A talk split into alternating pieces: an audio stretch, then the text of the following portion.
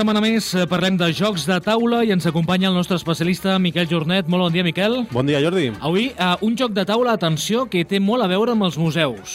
Sí, sí. Per tant, ja ho hem vist tot en els jocs de taula. O encara no? Quasi tot, sí.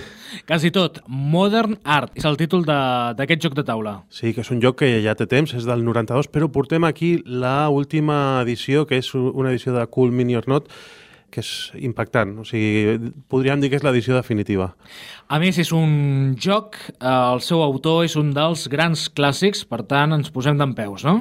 Correcte. Eh, per parlar d'aquest senyor, Reiner Nícia, eh, molt matemàtics els seus jocs, però aquest és un joc de subhastes i depèn molt de, de la interacció de les persones, de com tassin les obres d'art, i ja veureu que, que us agradarà aquest Modern Art. Tenim sobretot molts il·lustradors eh, que han participat en aquest disseny. Sí, mira, te'ls dic. Eh, mira, hi ha el portuguès Manuel Carballo, perquè, bueno, no són il·lustradors, realment són, són pintors. Tenim el brasiler Ramon Martins, la italiana Sirit Thaler, eh, un altre brasiler que és Daniel Melim i un altre brasiler que és Rafael Silveira. Sembla una alineació del PSG, però, però són, són els il·lustradors. Il·lustradors d'aquest joc del Modern Art. Mm, Bé, l'editor. De moment és Cool Mini or Not, però jo crec que aquí acabarà sortint en castellà i, segurament les coses de Cool Mini or Not surten per Edge.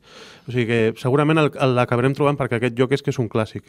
El número de jugadors, De 3 a 5 jugadors, edat recomanable, a partir de 14 anys, temps de partida, uns 60 minutets, mecàniques que hem d'utilitzar per jugar, doncs és eminentment un joc de subhastes, és un clàssic dels jocs de subhastes i també et permet gestionar la teva mà de cartes.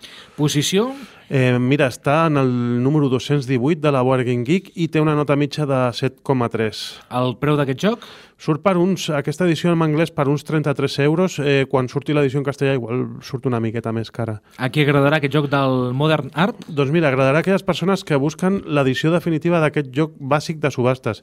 Tot i ser un joc de 1992, aquesta reedició de Cool Mini or Not eh, l'actualitza estèticament, mecànicament no li cal perquè sempre ha funcionat, i també captivarà eh, aquelles persones interessades en el transmèdia, que és aquella cosa que és molt moderna ara, que és el creuament de disciplines, que és eh, fusionar, per exemple, art modern amb un joc de taula. Doncs aquí està perfectament fusionat.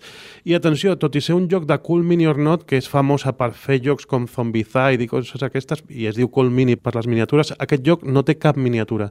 És un joc tot de cartró. Doncs el Modern Art, eh, aquest joc que recomanem avui a l'espai del Descobrint Jocs, i és que comprar i vendre obres d'art pot arribar a ser un negoci molt lucratiu si tens bon ull per l'art. Aquesta és la idea d'aquest clàssic joc de subhastes. En aquesta nova versió, totalment actualitzada en l'aspecte gràfic, cinc artistes contemporanis han estat convidats a compartir els seus treballs per tal de crear un joc únic i molt atractiu. Des del Brasil fins a Itàlia, des de l'art urbà amb plantilles fins als clàssics pincells i olis. Cinc estils ben diferents se replegaran sobre la nostra taula. Qui en dona més? Doncs ara descobrirem com es juga aquest Modern Art. I a més, veig, Miquel, que vas eh, carregat. Sí, a veure sí. si sona. Això és un martell de cartró, de truquel, però que és per mm, designar el jugador inicial. D'aquells que tenen els subhastadors, no? Sí, sí, com, A la una, a la dos, no? Correcte, és que eh, aquí, aquest joc és recomanable eh, ficar-se en el paper de, del subhastador quan et toca ser subhastador i també tenir molt en compte també el que licites, no? El llibre, el, el llibret del reglament, té també al final un dossier de cada artista, perquè aquestes eh, versions del Modern Art anteriors o una de dos, o utilitzaven art que s'inventaven i que no era de cap artista eh, perquè no tenien drets per fer-ho, o hi ha una edició que es diu Masters Gallery que tirava de Van Goghs i de coses així amb llicències d'alguns museus, però realment el lloc d'inici sempre s'havia dit Modern Art i crec que ha trobat en aquesta edició els artistes que sí que s'han prestat pues, a que surtin aquí i són artistes reals, o sigui, tu els pots buscar a internet o en el mateix dossier que porta el llibre i t'explica la biografia, t'explica on has posat, t'explica on han estudiat cadascú i els diferents estils, no? I les cartes que tindrem al mazo, que són cartes bastant sobredimensionades, eh, gairebé com les d'un joc així conegut com el Dixit. O sigui que són excel·lents, aquestes cartes. Sí, sí, sí, sí la, la qualitat és, és molt bona. Representen obres de cadascun d'aquests artistes. La gràcia és que a part de tenir les obres, tenen un símbol, una simbologia que diu el tipus de subhasta que s'executarà en aquella ronda. No? Aleshores, els jugadors representen que són museus i tenen una pantalla per amagar els diners que tenen perquè al final guanya qui més diners té, però no cal que els altres sàpiguen quan vas tenir durant la partida. Tenim el Sao Paulo Museum, tenim el Madrid eh, Modern, Sí. no? I, eh, què més tenim? Tenim el de Nova York, voldria ser un MoMA, però no, no han pogut posar el MoMA. Tenim el de Londres i tenim el de París, que aquest és com el, Pom- Clavat. el Pompidou. Sí, sí, clavat. Sí, sí, sí. Això pues, és la pantalla de cada jugador. Cada jugador amaga el seu diner inicial, que tothom comença amb 100 dòlars, i tenim una sèrie de cartes que es re reparteixen a l'atzar, que són obres d'aquests eh, cinc artistes. Aleshores, el primer jugador treu una subhasta i segon el símbol que tingui, doncs pot ser una subhasta doble, que ha de subhastar dues obres d'art en el mateix moment, pot ser una subhasta a puny tancat, que aquestes són molt guapes perquè tothom posa dins del seu puny les fitxes de diners que són molt petitones i diuen un, dos, tres, les revelen i qui més dona és el que se- s'emporta l'obra. I després aquestes obres es venen al banc i l'artista que més obres per ronda, perquè són quatre rondes, s'han venut al banc, doncs és l'artista que més es cotitza i tindrà, i tindrà un preu de 30, el, que, el següent de 20 i el següent de 10. I els altres dos no pillen res. I es fa així durant quatre rondes i són acumulatives. És, la veritat és que és un joc que funciona superbé.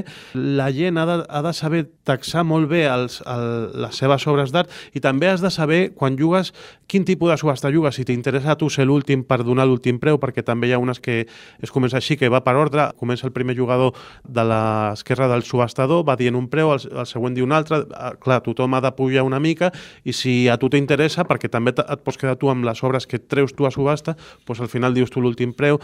Té diferents eh, modes de, de subhasta i aquest és un joc bàsic de subhastes. Han sortit molts més a partir del 1992 molts són còpies d'aquest eh, o intenten copiar alguna de les mecàniques d'aquest.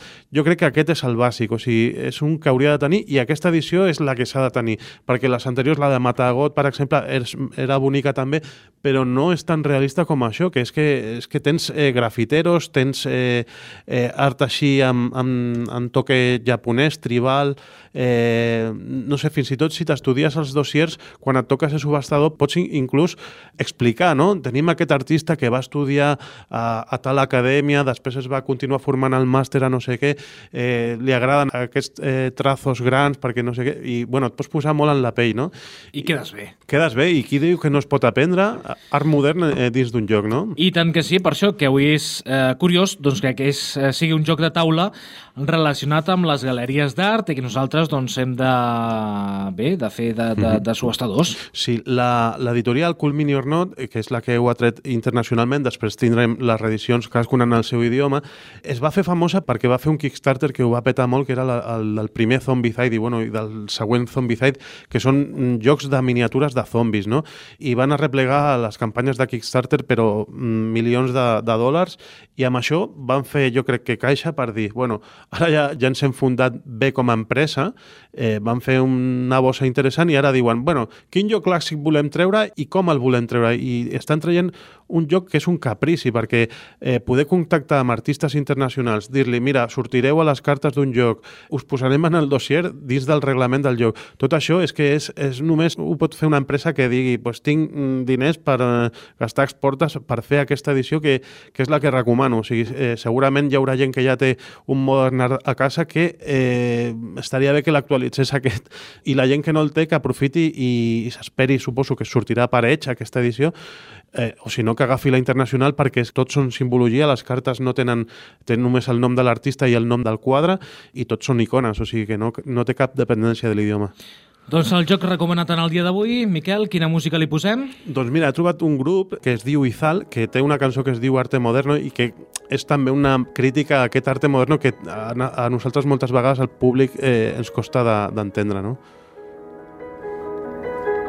Veo colores y figuras en el techo de este salón cuadrado que me cuentas, que simboliza la sala de espera, donde conoceremos el futuro entre el cielo y el infierno. Y llevo dos horas contemplando este incendio que dices que contiene la esfera, un punto rojo en medio de una tela y noto lentamente cómo crezco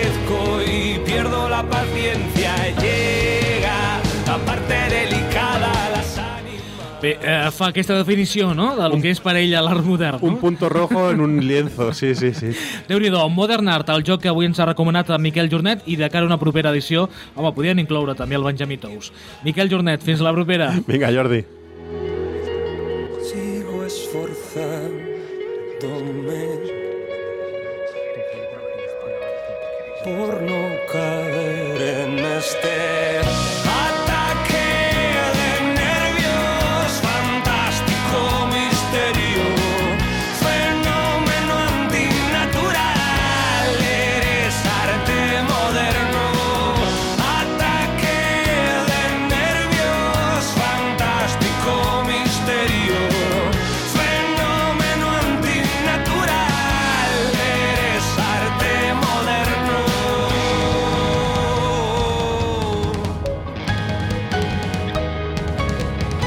Y cuéntame qué significa para ti esta forma de tirarte por el suelo, de mover los pies, de soportar un espectáculo al revés, de no dejarme nada claro, de perder la cuenta de las veces que mordí el anzuelo, de pensar que nada iba a ocurrir, que todo acabaría en un final feliz con flores y palmadas hartos de reír. Muchas felicidades, gracias por